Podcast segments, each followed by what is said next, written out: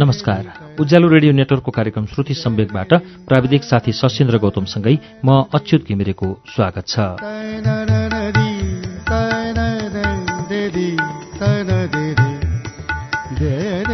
श्रुति सम्वेकको आजको श्रृङ्खलामा हामी जीवन खड्काको उपन्यास ओझेलको वाचन लिएर आइपुगेका छौं। गएको साता हामीले यसको दोस्रो श्रृङ्खला वाचन तपाईँलाई सुनायौं। दोस्रो श्रृङ्खलासम्म पुग्दा इवा र लेखक घुम्दैछन् विभिन्न ठाउँहरूमा। इवा विदेशबाट नेपालमा आएकी परदेशी एउटा एउटी युवती हुन् जो पर्यटकका रूपमा नेपाल आएकी छिन् र उनलाई लेखकले घुमाइरहेका छन् विभिन्न ठाउँहरूमा। नेपालका पर्यटकीय क्षेत्रहरू घुमाइरहेका छन्। अब अगाडि के हुन्छ सुनौ। जीवन खड्काको उपन्यास ओझेलको वाचन तेस्रो श्रृङ्खला।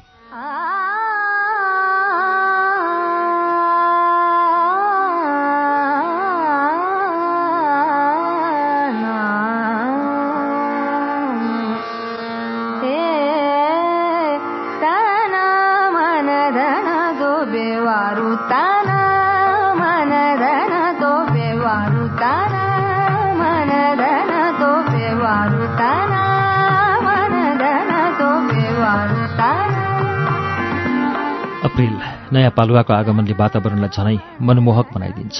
किशोरीको जवानीलाई धमास देखाएर पौठे जोरी खेल्ने हिम्मत जुटाउन सक्ने उही एक्लो अप्रिल। निला शिरिषका फूलमा लुटपुटिँदै मान्छेमा उन्माद भर्ने पनि त्यही अप्रिल। यो आफैमा एउटा विश्वविद्यालय जस्तो लाग्छ र त यसले हरेक वर्ष हामीलाई सिकाइरहन्छ। मान्छेको जिन्दगी अप्रिलमा पलाएको कलकलाउँदो र भरभराउँदो पालुवा जस्तै सुन्दर वस्तुको उपनाम हो। अब मान्छे त्यसै पनि उन्मादी। मान्छेभन्दा झन बढी उन्मत्त अप्रिल र त्यही उन्मत्त उन्मादमा चुर्लुममा डुब्न हतारिन्छ मान्छे डुबिरहन चाहन्छ। अप्रिलको अन्त्यतिर मिराजमा तातो बाफ आइरहेको थियो। निरन्तर दरबार मार्गको सडकबाट मैले आजसम्म कहिल्यै त्यो बाफलाई हेरेकै रहेनछु बलेको आगोबाट निस्केको बाफ जस्तै तिरमिर तिरमिर तिरमिराइरहेको थियो। त्यो बाफले अरूलाई चाहिँ मलाई पनि बफ्याउँदै हुनुपर्छ। स्टोभमा ममको डल्लो बफ्याए चाहिँ हाई प्रोफाइलका स्वदेशी र विदेश गरी विदेशी पर्यटकहरूलाई लक्षित गरी खोलिएका फेन्सी सोरुम। अनि महँगा महँगा सामानहरूको किनबेचमा निकै व्यस्त हुने गर्छ दरबार मार्ग। त्यही दरबार मार्गको सडकको एक छेउमा एक्लै उभिरहेको थिएँ म मेरी गोरी प्रेमिका इभाको आगमनको प्रतीक्षामा।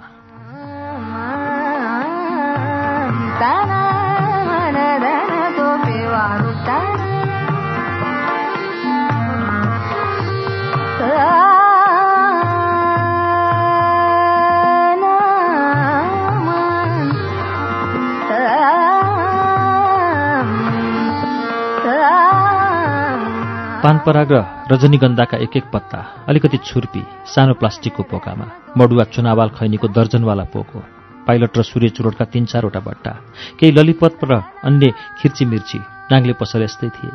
शिरिषको रूपमा फलामे किला ठोकेर साङ्ली पारेको रबरमा झुन्ड्याइएको थियो चुरोट सल्काउने लाइटर। हाई प्रोफाइलको बीचमा पनि नाङ्लोको व्यापार अचम्म लाग्यो। तथापि त्यो चलेकै थियो।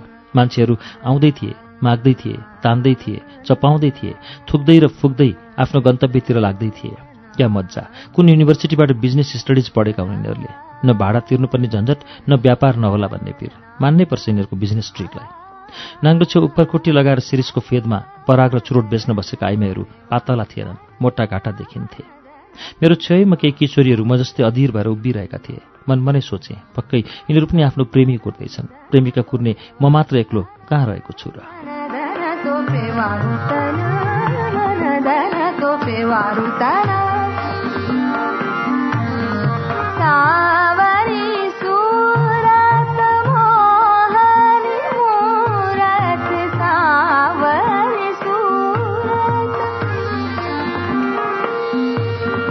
निकै बेरको कुराएपछि इभा रिक्सा चढेर आइपुगी। पुत्रुक्क झर्ने बित्तिकै इभाले मलाई अँगालोमा बेरेर पारी शरीर ढिला भयो। धेरै बेरको पर्खाइले म आफ्नै शरीरको ताप थ्याग्न नसक्ने अवस्थामा थिएँ। तर इबासँग टाँसिएपछि म त्यसै त्यसै चिसिएँ। स्थिर र शान्त भएँ। चम्चमाउँदा प्रकाश भएका उज्याला पसलभित्र छिरेर केही सपिङ गरिन सक्दै म थाकिसकेको थिएँ। सपिङ सकिएपछि केएफसी उक्लेर ब्राजिलको कुखुरा चाख्यो उसको मन राख्नकै लागि एक टुक्रा दिग्मिगाउँदै चाहिँ गरे। ब्राजिलकै कुखुरा भए पनि खासै स्वाद गरेन मलाई। सायद गाउँमा लोकल कुखुराको सभेटा लुछेकाले पनि होला। सपिङ गरेका सामानका झोला हातमा बोकेर हामी लुखुर लुखुर हिँडिरहेका थियौँ। जमलको ओभरहेडमाथिको बारमा कु मडेस लगाउँदै इबाला मैले त्यो ठाउँ चिनाएँ भने यो ठाउँलाई कसैले साइतमै निवारण गरेका रहेछन्। एकछिन पानी पर्यो कि सडक पुरै जमिहाल्छ। यता जमल जमिरह्यो उता रानी पोखरी कहिल्यै भरिएन। यो पानीलाई फिल्टर गरेर त्यो रानी पोखरीमा पठाइदिन सके। दुवैको समस्या एकैपटक समाधान हुने थियो। इबाले मुसुक्क हाँसेर मेरो कुममा आफ्नो कुइनो टकाएर भने अब मेरो प्रियको दिमाग राम्रोसँग चल्न थालेछ। आकाशे पुलबाटै मैले जङ्गबहादुर राणाले खोलेको दरबार हाई स्कुलको जीर्ण भवन देखाएँ। राणाका छोराछोरीले मात्र पढ्ने एक युगको एउटा इतिहास मैले इबाला सुनाएँ। जङ्गबहादुर जस्तो प्रधानमन्त्री जन्माउने राणाकाल कहाँ कमजोर थियो र मान्छेका मौलिक हक र अधिकारलाई कुण्ठित नगरेको भए के थाहा आजसम्म पनि राणाकै राज्य पो हुन्थ्यो कि? उसले चुपचाप सुनिरहे देशको प्रधानमन्त्री को छ र कसले सरकारको नेतृत्व गरिरहेको छ? के को चासो जनतालाई? जनतालाई त आफ्नै हक र अधिकार चाहिरहेको छ। हेर त कत्रो विडम्बना एक्काइसौँ शताब्दीको मेरो चाहना सबै कुरो चाहिएको छ तर म बाँचेको परिवेश यो कस्तो? मैले खिस्रिक्क परे जसरी भने। तिम्रो यो उमेरको चाहना पनि कस्तो क्या? इभाले गम्भीर कुरालाई उडाउने गरी भने। म पनि के कम इभातिर छड्के नजर लगाएर जिस्केर भने चाहे जस्तो भए पनि के गर्नु? पुरा हुने छेक छन्द छैन? तिम्रो चाहना देश बनाउने मात्रै छ जस्तो छ। देश बनाउने सोच भएको मान्छे बनाउँछ अब। मैले उसलाई भने र हामी दुई बीच यस्तै छलफल चलिरह्यो। म केही नबोली। चौरवालाको टुप्पोले कन्चेरीतिर खुरखुर कनाउन थाले। उसको प्रश्नको जवाफ नआएकोले होला। इबाले दुवै हातको मुठी बनाई अनि मेरो छातीमा बिस्तारै आलो पालो गरी हिर्काई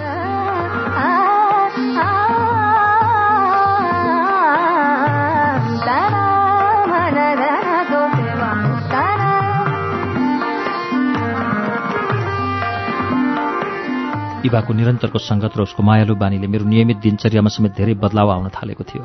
उसको यादमा घन्टौँ एकान्तमा बसेर घोत्लिरहने भएको थिएँ म। कल्पनामा बादलमा सैर गर्ने भइसकेको थिएँ। कोठामा एक्लै बस्दा मन बरालिन थालेको थियो। मनको चित्रपटमा प्रेमका अनगिन्ती रङ पोतिन थालेका थिए। एक्लै मुस्कुराउने एक्लै बरबराउने हुँदै गइरहेको थिएँ। बिहान कलेज जाने दिउँसो इभाको रहरका लागि काठमाडौँका बस्तीमा चहार्ने साँझ परेपछि बरालिएको मनसँगै उचालिने सोच्न हुनेदेखि नहुने सारा कुरा दिमागमा खेलाउने इबा आएदेखि मेरो दैनिकी अनौठोसँग बदलिएको थियो इबा बेला बखत मसँग गुनासो गर्थे उसले फेसबुकमा दिनहुँ अपलोड गरेका फोटोमा लाइक नगरेकोमा ठुस्किन्थे ऊ ठुस्स परेर मुन्टो बटारेका बेला म फेसबुक खोल्थेँ र उसका सबै फोटामा पालै पालो लाइक गर्थेँ उसको नोटिफिकेसनमा मेरो लाइकको लस्कर देखेपछि मात्रै उसको ठुस्केको अनुहारमा खुसीको किरण झल्किन्थ्यो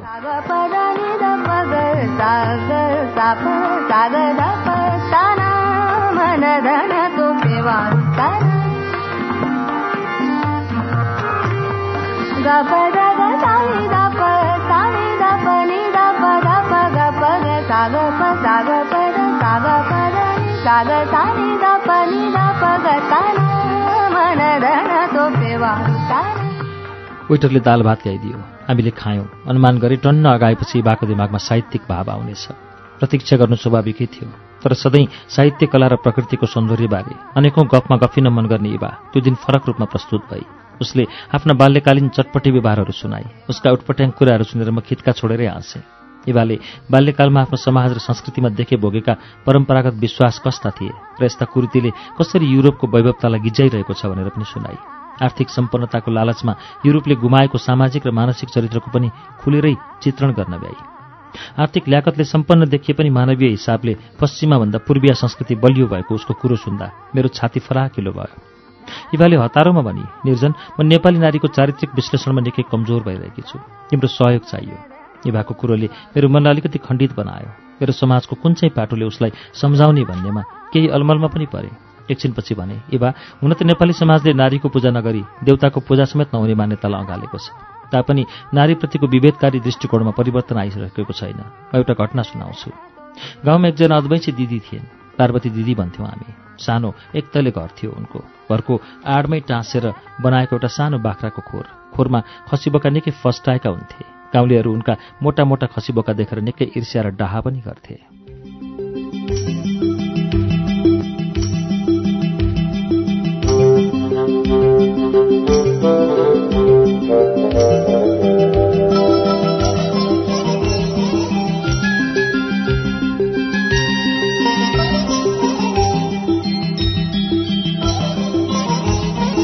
तन मन तन पार तन मन पार तन मन चरण पार्वती दिदीको बिहानको आरती सकिएसँगै गाउँलेहरूको ध्यान आफ्ना गाईबस्तु र केटाकेटीहरूमा हुन्थ्यो। सबैका कान टाठा ठाडा र तिखा हुन्थे अनि जुरुक्क उचालिन्थे बोक्सिनीको पूजा सकियो। आज अब कसकोमा के आपत आइलाग्ने हो? उनलाई समाजले बोक्सी भन्थ्यो। गाउँमा भएका हरेक नराम्रा काम र रोगव्याधिको अब्जस उनीलाई लगाइन्थ्यो। मानौ उनी ब्याक्टेरिया र भाइरसहरू उत्पादन गर्ने मानवरूपी भट्टी हुन्। पार्वती दिदीले कहिले पनि सिउँदोमा सिन्दुर हालेको देखिन अरू महिलाहरूले रातो सिन्दुर लगाउँथे रातो चुरा लगाउँथे। तर अह दिदीको शरीरमा ती कुनै पनि कुरा कहिले देखिएन अरूको ओठमा रातो लिपस्टिक नसुहाउँदो तरिकाले पोतिएको हुन्थ्यो। तर उनको ओठ सधैँ फुङ्ग उडेको फुस्रो र फुटेको हुन्थ्यो। मलाई अचम्म लाग्थ्यो। सोच्थेँ कि बोक्सीहरूले रातो कपडा लगाउनु नहुने हो? रातो चुरा लगाउन नहुने हो? ओठमा लिपस्टिक लगाउन नहुने हो? सिउँदोमा सिन्दुर लगाउन नहुने हो? मनमा अति नै खुल्दुली बढेपछि मैले स्कुलमा सामाजिक विषय पढाउने सरलाई सोधेको थिएँ। मेरो प्रश्न सुनेर कक्षाका सबै साथीहरू गलल्ल हाँसे। म लाजले रातो पिरो भएर थचक्क बसेँ बेन्चमा।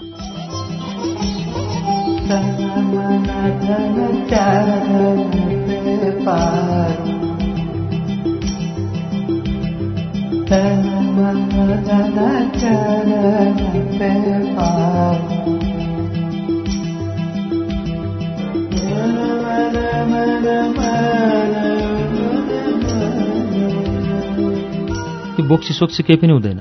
सरले शान्त भएर भन्नुभयो तर मैले खोजेको प्रश्नको उत्तर त्यति मात्रै थिएन। फेरि सोधेँ हुँदैन भने सबै गाउँले किन पार्वती दिदीलाई बोक्सी भनेका त? यो प्रश्नको उत्तर सरले दिनु भएन। ठुलो भएपछि आफैले बुझ्छौ भनेर प्रसङ्ग मोड्नुभयो। सरले विषय मोडे पनि मेरो मनको प्रश्न मरेको थिएन। एक दिन गाउँमा अचम्मको घटना घट्यो। मेरो घर छेउका महर्षि काकाको नाति सम्मरे बिरामी पर्यो। सम्मरे मेरै उमेरको थियो। ऊ तिन दिनसम्म ज्वरोले अचेत भएर थलिएपछि उपचारका लागि छिमेकी गाउँबाट धामी बोलाइयो। कपालको जुरोमा रुद्राक्ष बेरेको धामीले जखमले भाले काटेर बोक्सी पन्छायो। धामीले बोक्सी पन्छाएको तिन दिनपछिसम्म सम्म परेको व्यथा टसमस नै भएन। अन्तमा धामीले अर्को कालो भाले काटेर देवीको फोटोमा रगत चढाएर चामलका गेडा छरिएका चरेसको थाल हातमा कमाउँदै भन्यो शमशेरलाई पार्वतीले बोक्सी लगाएकी छ।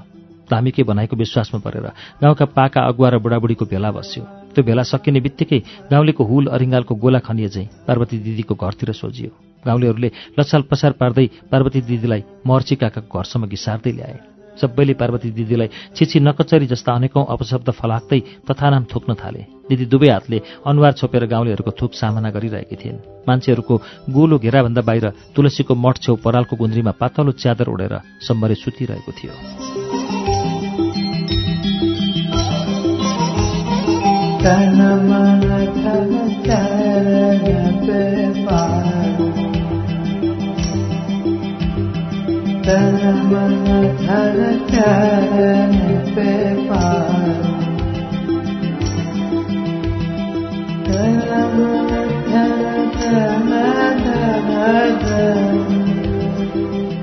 बाहिर सम्मारे ब्याक्टेरियाहरूसँग प्रतिकार गरिरहेको थियो।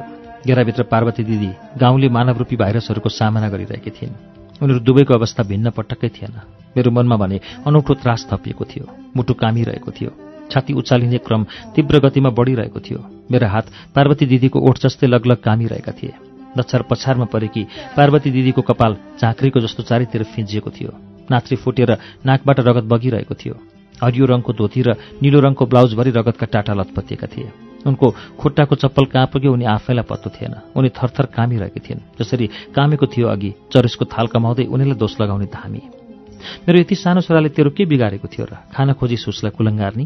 काकीको कर्कस आवाजले म नमजासँग झस्केँ र आमाको धोतीलाई थप कसिलो गरी चपक्क समाए। कति ठुलो स्वर कस्तो चिरठिएको आवाज।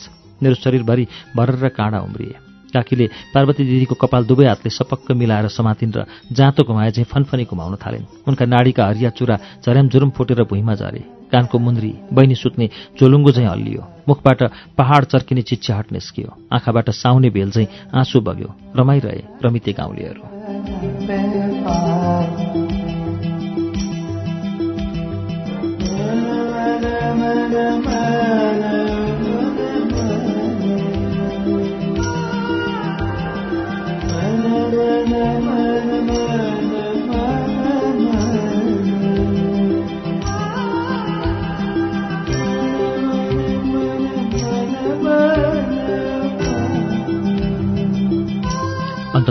अब उपरान्त त्यस गाउँमा नदेखिने कबुल स्वीकार गरेपछि मात्र पार्वती दिदीलाई खुवाउन लागेको मानव मलमूत्र फ्याँकिएको थियो।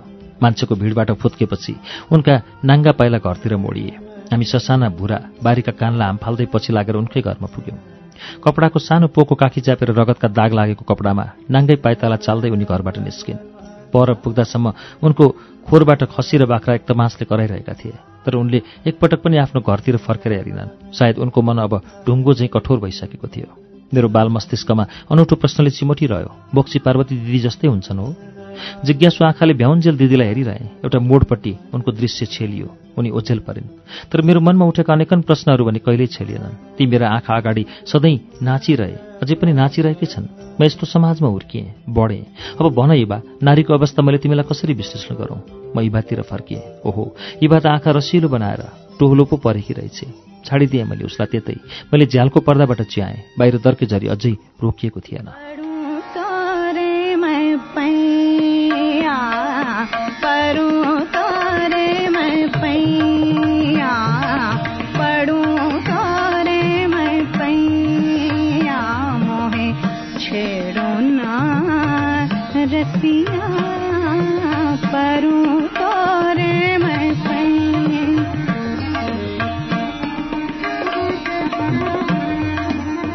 समय बिति नै रह्यो। मेरो र इभाको मित्रताको क्रम चलेकै थियो। नियमित तालिका जस्तै बनेको थियो मेरो। दिनहुँ ऊ बसेको होटल ठमेलमा पुग्थेँ। म पुग्ने बित्तिकै मलाई बेसमारी च्याप्थे गालामा किस गर्थे? जुन नियमित प्रक्रिया नै बन्दै गइरहेको थियो उसले सधैँ त्यसै गर्थे। आज भने इबा पहिलोपटक मेरो कोठामा आएकी छे। हामी गाउँबाट काठमाडौँ आएका विद्यार्थीहरूको हालत यस्तै हो। एउटा कोठालाई एक एक इन्च भाग लगाउनै पर्छ। त्यस्तै भाग रहर र चाहनालाई पनि चिरफार गरेर लगाउनुपर्छ। हाम्रो अवस्था जेनतेन पालिने मात्रै हो। अरू आवश्यकता पुरा गर्ने त टाढाको कुरा। रहर बटुल्ने पनि सामर्थ्य हुँदैन। ऊ मेरो बेडमा पलेटी मारेर बसेकी थिए। आज म तिमीलाई मेरी आमाले हाँडीमा खगारेर जातोमा पिसेको अर्ग्यानिक कफी चखाउँछु। निकै बेर टोलिएपछि उसले भने म यो नेपाली अर्ग्यानिक कफीसँग पाश्चात्य धुम्रो रसको फ्युजन गराउन चाहन्छु। मैले सहमतिको आँसु खिस्सा हाँसेपछि उसलाई के चाहिन्थ्यो र अब? हाँस्दै सिगारको बट्टा निकाली। हत्तपत्त मैले उसको हातबाट सिगार तुतेर ग्यास चुलोमै लगेर सल्काएँ अनि सुई सुई दुई सरको ऊ सँगसँगै तानिहालेँ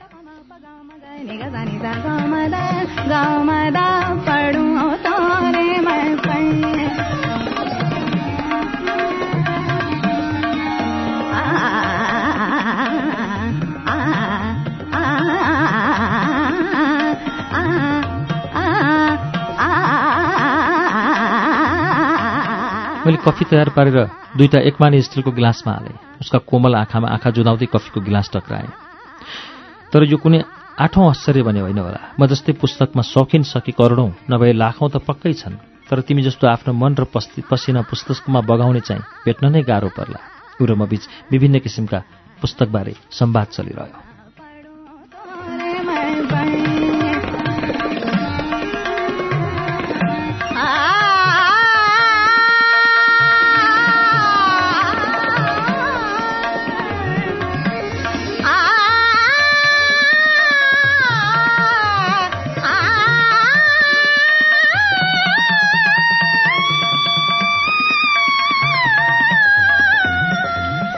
त्यो दिन ऊ र म निकै अगाडि बढ्यौँ। उसका र मेरा कुरा सँगसँगै धेरै गतिविधिहरू हुँदै गए र त्यसको दुई दिनसम्म इभाले मलाई फोनमा सम्पर्क गरिन। मेरो मन नाना बाती शङ्कामा पाक्न थाल्यो कि अस्तिको घटनाले ऊ मसँग रिसाए कि ओली? म उत्तेजित भएको कुरा उसले थाहा पाउनुहुन्न थियो सायद। मन अधीर भयो मेरो। सहसा आफैले निर्णय गरेँ म आज ठमेल जान्छु। रिसाएकी रहेछ भने त्यहीँ बसेर फकाउनु पर्ला। फोनमा सम्पर्क समेत नगरी त्यो दिन म उसको होटलमा गएँ। कोठाभित्रबाट बन्द रहेछ। मैले ढोकामा टकटक आवाज दिएँ। उसले ढोका खोली मुसुक्क हाँसी। मेरो मन ढुक्क भयो ऊ रिसाएकी रहेनछ रिसेप्सनमा फोन गरेर कफी मगाई म सोफाको एक छेउमा पुगेँ। एकछिन है भन्दै ऊ इन्टरनेटमा इमेल चेक गर्न थाली। उसको ड्याडको इमेल आएको रहेछ। उसलाई जर्मनी फर्कन आग्रह गरेर। ल्यापटप स्लिपिङ मोडमा राखेर सोफाकै छेउमा आइपुगी। भनी म एक महिनाका लागि घर फर्काउनु पर्ने भयो बाबाको इमेल आएको रहेछ। आमा बिरामी हुनुहुन्छ अरे। ममलाई दमको रोग छ। ब्रोङ्काइटिस क्रोनिक खालको। जाडो लाग्यो कि च्यापिहाल्छ? त्यसैले म यसै साथ जान्छु होला। उसले मेरो हातमा आफ्नो हात कसिरो गरी राखेर मेरो आँखामा गहिरोसँग हेरे। ठिकै छ नि त जानै पर्छ भने जाऊ म भने नियास्रेर मर्ने भएँ। सायद मेरो मुख मलिन भयो। मन पनि के के सोच्न थाल्यो पत्तो भएन। कफी सकिसकेपछि ट्राभल गयौँ। उसलाई सक्तो छिटो फर्कनु थियो। तर चार दिनपछिको मात्र टिकट रहेछ। विकल्प रहेन। बुक गऱ्यौँ। ती चार दिन बिताउन उसलाई निकै गाह्रो भयो। ऊ बारम्बार बाबासँगै कुरा गरिरहेकी हुन्थे। भाइबरमा आमासँगै गफ गरिरहेकी हुन्थे। आमाको अवस्थाले इभालाई निकै अधैर्य बनाउँदै लगिरहेको थियो।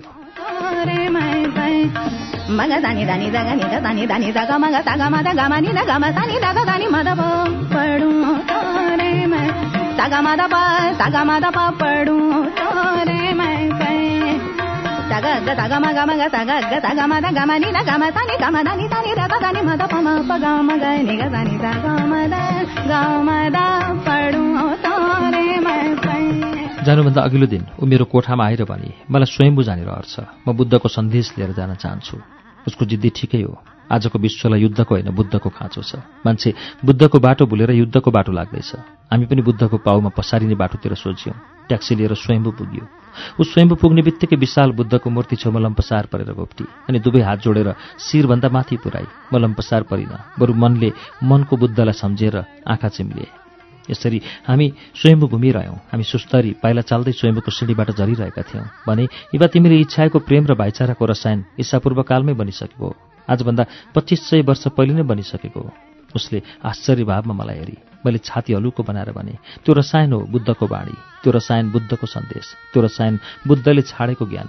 मेरो कुरा सुनेर इभा टक्क अडी मैले भने बुद्धले भाइचाराको रसायन बनाए जस्तै अब एउटा मिसाइलको खाँचो छ। त्यसको प्रहारबाट विश्वका सातै अर्ब मान्छेको हृदयमा प्रेम भर्नुपर्नेछ। हामी दुवै फरक भाव र फरक मनोदशामा पुगेका थियौँ। त्यतिखेर न कुनै शारीरिक आकर्षणले हामीलाई एकअर्कासँग खिचेको थियो न कुनै दमित भावले नै। हामी त करुणा र प्रेमले निथुक्क भएर स्वच्छन्द रुचेका थियौँ। स्वयम्भूको फेदीमा आइसकेपछि इवा फेरि बुद्धको मूर्ति छेउ दुवै हात जोडेर कप्लक्क घोप्टी लम्पसार त्यति नै बेला एक जोडी सेता परिवा भुर्र उडेर बुद्धको शिरमा बसे। मैले मोबाइल निकालेर फोटो खिचेँ। दुवैले बुद्धको मूर्तिलाई फनक्क एक फन्का लगायौँ र माने गुमायौँ मानेको आवाजले अनौठो ऊर्जा मिले जस्तै भयो। झमक्कै साँझ भइसकेको थियो। चिसो सिरेटोले मेरो मनलाई झनै कुल बनाइदियो। सल्लाहका पातहरू सोरिएर पर्खालको कुनातिर गुजुल्टो परे। ओम माने पेमे ओमको धुन हृदयभित्र बज्यो। बुद्धको शिरमा बसेका परिवाका जोडी भुर्र उडेर गुणतिर गए। होटेलमा फर्केपछि इबालाई मैले स्वयंमा खिचेको फोटो देखाएँ। जुम गरी गरी धेरै बेर फोटो हेरेपछि इबा औधी खुसी भई उसले तुरुन्तै आफ्नो फेसबुक खोलेर त्यो फोटोलाई प्रोफाइल पिक्चर बनाए। त्यति नै बेला मैले जिस्किँदै सोधेँ तिमी दुई मध्ये कसलाई रोज्छौ? बुद्ध कि निर्जन? बुद्धको ध्यान र ज्ञान इबा गम्भीर भई निर्जनको भावना र ज्यान यति भनेर ऊ आफ्नै शैलीमा खितखिताई भोलिपल्ट साँझ उसको फ्लाइट थियो। म निकै भावुक भएँ। बाबा आमालाई मेरो सम्झना सुनाइदिनु। न्यानो माया पनि भनिदिनु। मेरो आवाज अरू दिनको भन्दा थोरै मधुरो सुनेको हुनुपर्छ इबाले त्यसैमा थपेँ। आमाका लागि शीघ्र स्वास्थ्य लाभको कामना। यतिका दिनदेखि समय बिताउने र आफ्ना मनका भावनाहरू पोख्ने मेरी अभिन्न मित्र भइसकेकी थियो मैले उसका बाबाका लागि भातगाउँले टोपी पठाइदिएँ। आमाका लागि नेपाली पस्मिनाको पछौरा उसको झोलामा हालिदिएँ।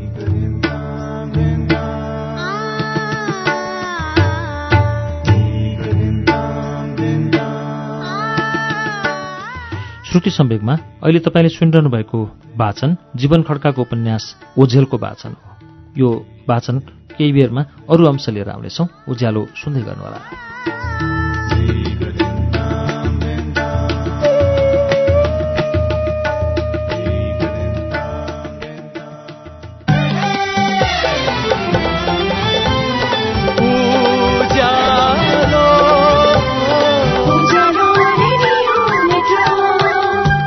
सीधा कुरा प्रश्न विचार। Ujalo radio network.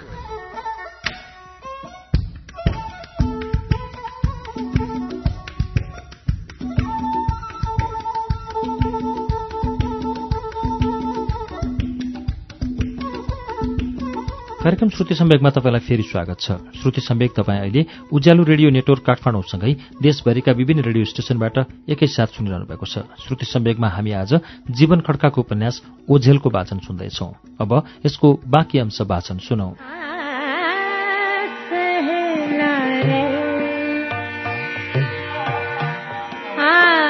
सहेला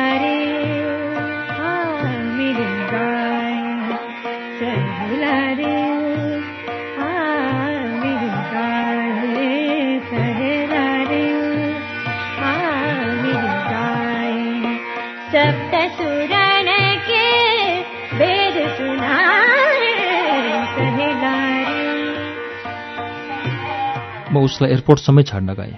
ऊ मबाट छुटेर भित्र पसी उसले पनि हातले आँखा पुछी मैले त रुमालै झिकेर आँसु पुछेँ ओहो म त इभाको प्रेममा चुर्लुम्म भइसकेको रहेछ। ज्यादै नरमाइलो पनि लाग्यो। दिन थियो तर रातको अँध्यारो जस्तो। किताबको काम भर्खरै मात्र सुरु भएकाले ऊ फर्केर आउनेछ भन्ने मिठो आशा बाहेक मेरो मन अडाउने ठाउँ नै के थियो र? ऊ फर्केपछि मनमा प्रलय भरिए पनि पुरानै लयमा मेरा दिनहरू फर्किए। ऊ जर्मनी फर्केको निकै दिनसम्म उसको कुनै अत्तो पत्तो भएन। ऊ अनलाइनमा पनि आइरहेकी थिएन। म बारम्बार फेसबुक र मेसेन्जरमै आँखा कुदाइरहेको हुन्थेँ। अनलाइन नआए पनि मेरो मनको अनलाइनमा भने चौबिसै घन्टा खोलिरहन्थे। इबा दिनभर एक्लै कतै पनि जान मन लाग्दैन थियो। कोठामा बस्न निकै पट्यार लाग्थ्यो।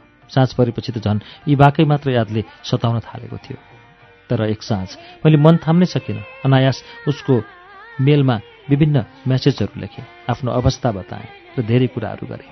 त्यसको पर्सिपल्ट उसलाई म्यासेन्जरमा भेटेँ। हाई इबा आमालाई कस्तो छ? मैले हत्तपत्त इबालाई म्यासेज पठाइहालेँ। मलाई इबाको भन्दा पनि उसकी आमाको अवस्थाले सताएको रहेछ। नो मोर मम उसले म्यासेजले म भरङ्ग भएँ। सरी साह्रै दुःख लाग्दो कुरा सुनायो। मैले यति मात्र लेखेर पठाउन सकेँ। म अर्को महिना सायद काठमाडौँ फर्कन्छु होला। तिमीलाई म्यासेज पठाउन मात्र अनलाइन आयो कि? उसका कुराले फेरि मेरो आङ सेरिङ्ग हुन पुग्यो। म के लेख्ने सोच्दै थिएँ? उसको म्यासेज आयो। डियर म यति बेला एक्लै भएकी छु। आमाको बियोगले बाबाको पनि होस् ठेगानमै छैन। के के के के? एक्लै बरबराइरहनुहुन्छ। मलाई तिम्रो यादले सताएको छ। उसको म्यासेजले मेरो मनमा फेरि चस्सक्क भयो। ऊ टाढा गएको अनुभूतिले पिरो भयो हृदय। मन कोक्काएको जस्तो भयो। लेखेँ इबा म पनि तिम्रो यादमै रहेको छु। तिमी नहुँदाको दिन विरक्त लाग्दो भएको छ। कतै बाहिर निस्कन पनि मन लाग्दैन। बरु साँझतिर घरको छततिर उक्लन्छु र ठमेलका गल्लीतिर हेर्छु। बाबालाई सम्हाल्नु अनि आफूलाई पनि। तिमी पनि आफ्नो ख्याल गर्नु निर्जन थपी उसले। तिम्रो अभावमा चुरोटको स्वाद पनि फिक्का लाग्न थालेको छ। यसरी म बीच केही संवादहरू भए त्यो दिन।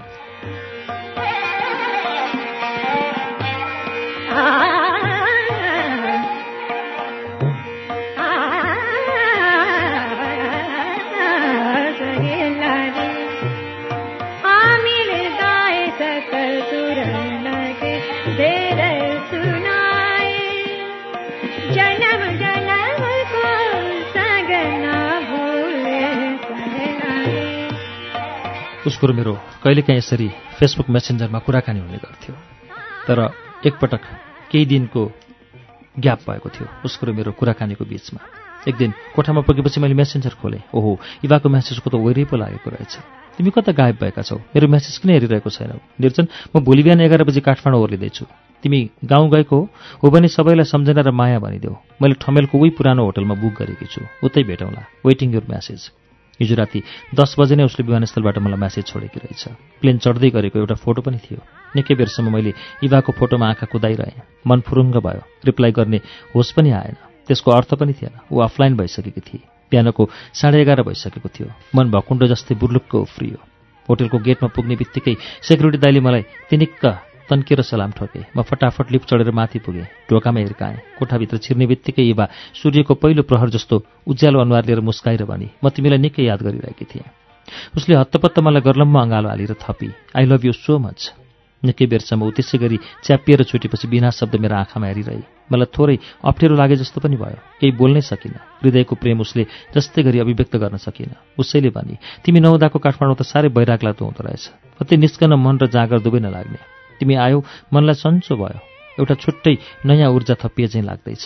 उसको कुराले म पनि प्रफुल्ल भएँ।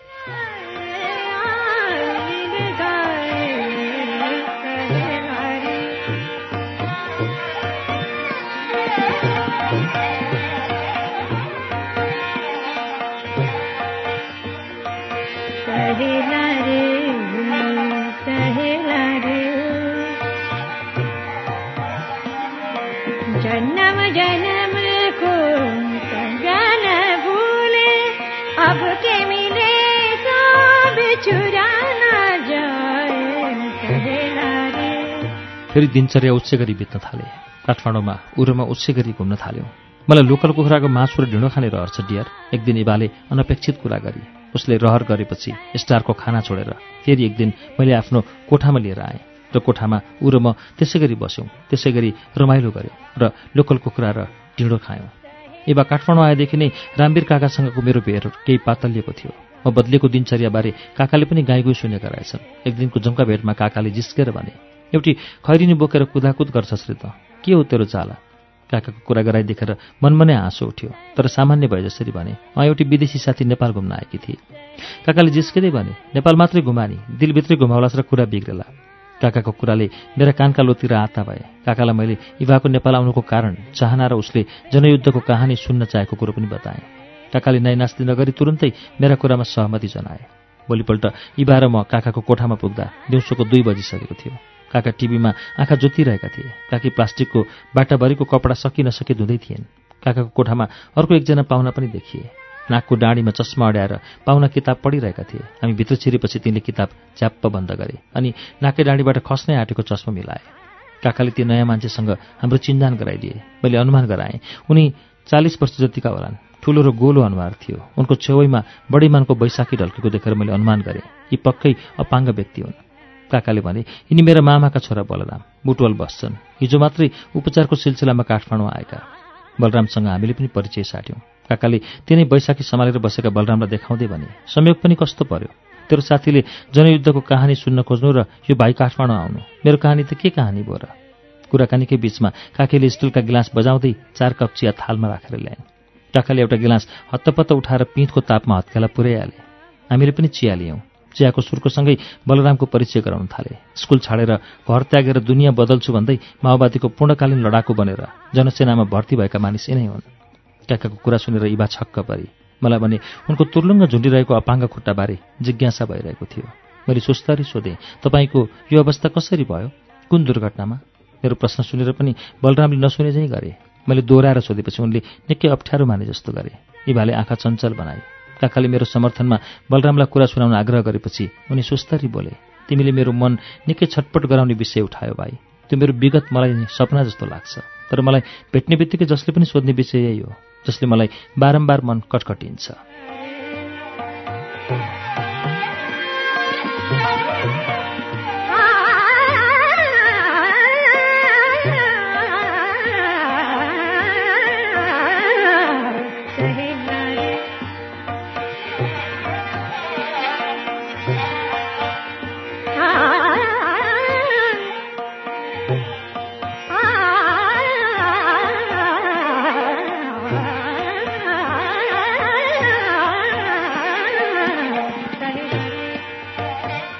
जनयुद्धमा देश बदल्छु भनेर हिँडेको एउटा सिपाही कसरी कुन कुन सङ्घर्ष गर्दै हिँड्यो र त्यसपछि कसरी यो हालतमा आइपुग्यो त्यो कुरा उनले विस्तृत रूपमा बताए र हामी दुवैले त्यो कुरा सबै सुन्यौँ। आफ्नो दर्दनाक कथा सुनाइसकेपछि उनी असहज तरिकाले सोफाबाट उठेर फेरि बाथरुमतिर लागे।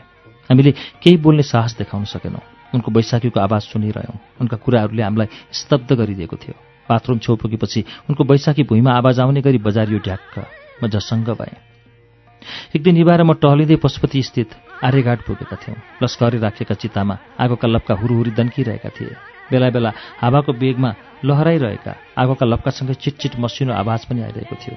मनमनै प्रश्न गरेँ के यो आगो सबलाई खाग बनाउँदा रमाइरहेको आगोको काम नै डढाउने हो। सायद आगोले आफ्नो कर्तव्य निर्वाह गरेको मात्र हो। इवा दाहिने हातको चोरौँलाको नङ टोकेर ब्रह्मनालमा सुताइरहेका सबतिर एकटकले हेरिरहेकी थिए। उसको अनुहारमा गम्भीरताको रङ लपक्क पोतिएको थियो। प्रत्येक चिताबाट धुवाका मुस्ला आकाशको अनन्त यात्रामा निस्किरहेका थिए। मैले नै इभालाई पशुपतिको गजुरतिर देखाउँदै बताएँ। यो भगवानहरूका पनि भगवान पशुपतिनाथको मन्दिर हो। पशुपतिनाथ अर्थात् सतीदेवीका पतिदेव दक्ष प्रजापतिका ज्वाइँ श्मशानमा बसेर निधारमा खरानीको टिका दल्नेर भाङ धतुरोका अम्बली। इभाले काठमाडौँको फोहोरलाई सकि नसकी बगाइरहेको बागमतीतिर देखाउँदै भने अनि भगवान् पशुपतिनाथलाई चढाउने जल चाहिँ त्यही हो? मैले जिस्किँदै भने खै त्यही जल चढाउँदा पनि भगवान्ले आजसम्म मलाई अर्को जल चढाउ भन्नुभएको छैन क्यारे मेरो कुरा सुनेर उसले आँखीमा उचाले।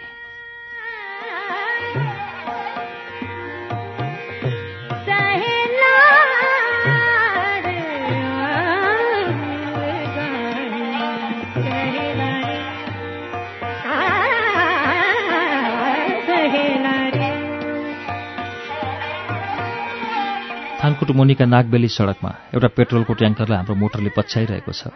गुरुजीले पचास रुपियाँ नफालुन्जेल चेकपोस्टका प्रहरीले मरै मानेका छैनन्। हुन त यस्ता कामका लागि दिनभन्दा रात नै उपयुक्त हुन्छ समय। गुरुजी निकै कडा र सि रिसालु स्वभावका रहेछन्। पहिले त तपाईँलाई किन घुस दिने भनेर अड्डी कसे? पछि उनको केही जोर नचलेपछि पचास रुपियाँमा कुरा मिलेको थियो। निर्जन उसको निकै मायालु बोली आयो। मलाई जानुपर्ने भयो। नौ बिसको ओह्रालो झर्दै थियो हाम्रो मोटर। यति राति कहाँ जाने भने पिसाब लाग्यो क्या? गाह्रो भइसक्यो। एकछिन च्यापेर राख न गल्छी आउन लाग्यो। होटेलमा खाने बानाले छिराउँला सकेपछि च्याप्नु घ्याम्पो हो र ऊ रिसाए चाहिँ गरी घ्याम्पो नभए भुड्को हो त। तिमीले नसके म च्यापिदिउँ त। म जिस्काउने मुडमा थिएँ। गुरुजीलाई मोटर रोक्न लगाएँ। गुरुजीले सडकको एक छेउमा मोटर किनार लगाइदिए। मोटरबाट झरेपछि मैले इभाला भने जाऊ ऊ त्यहाँ खोल्सामा गएर बस एक्लै जाने यस्तो अँध्यारोमा उसको आवाजमा डर मिसिएको थियो। पिसाब पनि दुईजना भएर फेर्ने हो र? मैले उसलाई जिस्काएँ। तर उसले कर गरेपछि म गएँ। हामी खोल्सामा थियौँ। ऊ प्यान्ट खोलेर खोल्सामा बसेकी मात्र के थिए? स्यालको हुइयाँ सुरु भयो। इबालाई के चाहिन्थ्यो? एक झमटमा मेरो अँगालोमा आइपुगी। मेरो पनि हम्सले ठाउँ छोडिसकेको थियो।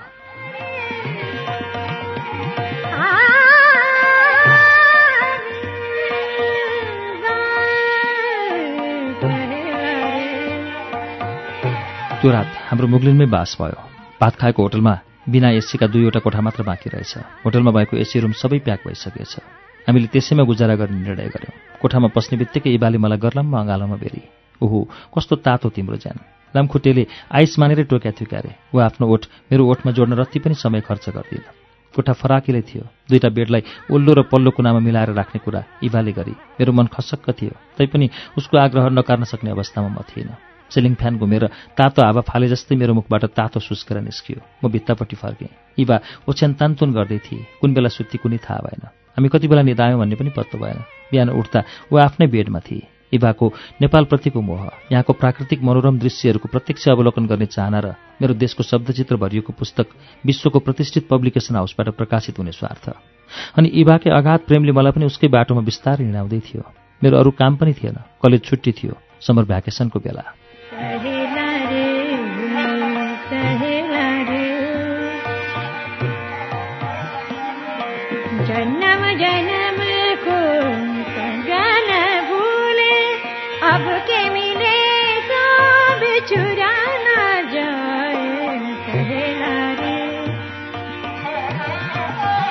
नारायणगढ पुगेपछि दुईटा एसी रुम बुक गरेँ। फ्रेस भयौँ। गुरुजी होटलमै बसे। कतै निस्कनै मानेनन्। भने मलाई यहाँको गर्मीले गालिसकेको छ। शरीरमा शक्ति नै नभएको जस्तो। हामीलाई पनि उनलाई कर गरेर कतै जाउँ भन्न मन लागेन। किनकि उनीसँग अझै लामो यात्राको तय गर्नु थियो। हामी विभिन्न ठाउँ घुमिएर आइपुगेका थियौँ र अझै घुम्नु बाँकी थियो। हामी नारायणी बीच पुलमुनिको रेस्टुरेन्टतिर लाग्यौँ। माछा खायौँ आइसक्रिम खायौँ केही सेल्फी कैद गऱ्यौँ अनि लाग्यौँ नारायणीको बगरतिर। हावा खाना भनौँ कि इवासँगको हावा खाना साँझ पर्नै लागिसक्यो। तराईमा घाम पनि आकाशले नै निल्दो रहेछ। नारायणीको तीरमा बल्छी आन्नेहरू प्रशस्तै थिए। थरीथरीका बल्छीका सोखिनले हामीलाई पिरा आँखा तानेर हेरे। पानीभित्र आकाशले निल्दै गरेको आधा घाम स्पष्ट देखिन्थ्यो। इवा पनि बडो रोमान्टिक मुडमै थिए। दुवै हात बाँधेर नारायणीको अगाधका टेढो बनेको सूर्यलाई निहाल्दै थिए। आई लभ यु इवा मैले पछाडिबाट उसको काँधमा आफ्नो शिर राखेँ। उसले आफ्नो शिर मात्र फनक्क मतिर घुमाएर मेरो आँखामा हेरिरहे। अब उसका खैरा आँखा टम्म भरिन पुगे। ऊ एक निमेषका लागि पनि आफ्नो आँखा नझिम्काइकन मेरो आँखामा हेरिरहे। उसको आँसु तपक्क चुइयो। गालाको डिलबाट तलतिर सलल्ल बग्यो। मैले उसको आँसु दुवै हातको बुढी औँलाले बिस्तारै टिप्ने प्रयास गरेँ। त्यही बेला उसको गकिलो सास मिसिएको आवाज आयो। Love you too and love you so much my dear उसले स्ट्याचुले जस्तै एक टकले मलाई हेरे।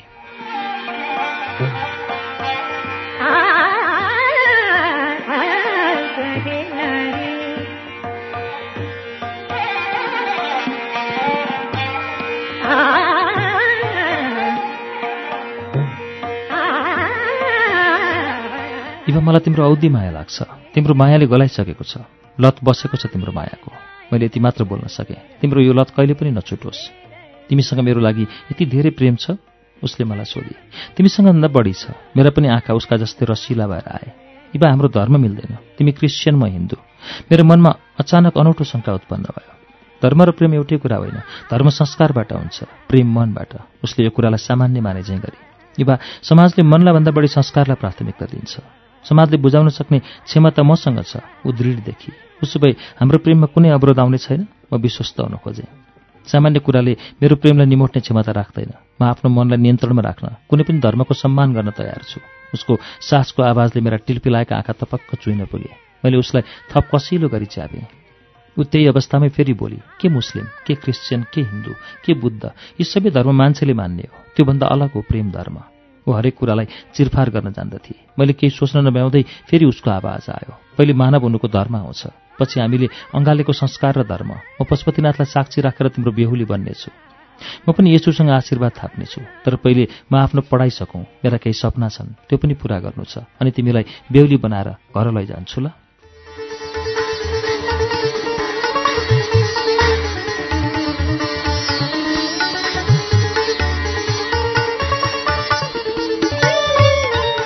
श्रुति सम्वेकमा अहिले तपाईँले सुन्नुभएको वाचन जीवन खड्काको उपन्यास ओझेलको वाचन हो। यसको बाँकी श्रृङ्खला वाचन अर्को हप्ता लिएर आउनेछौँ। तबसम्मका लागि प्राविधिक साथी सशिन्द्र गौतम र म अच्युत घिमिरे विदा चाहन्छौ। नमस्कार शुभरात्रि।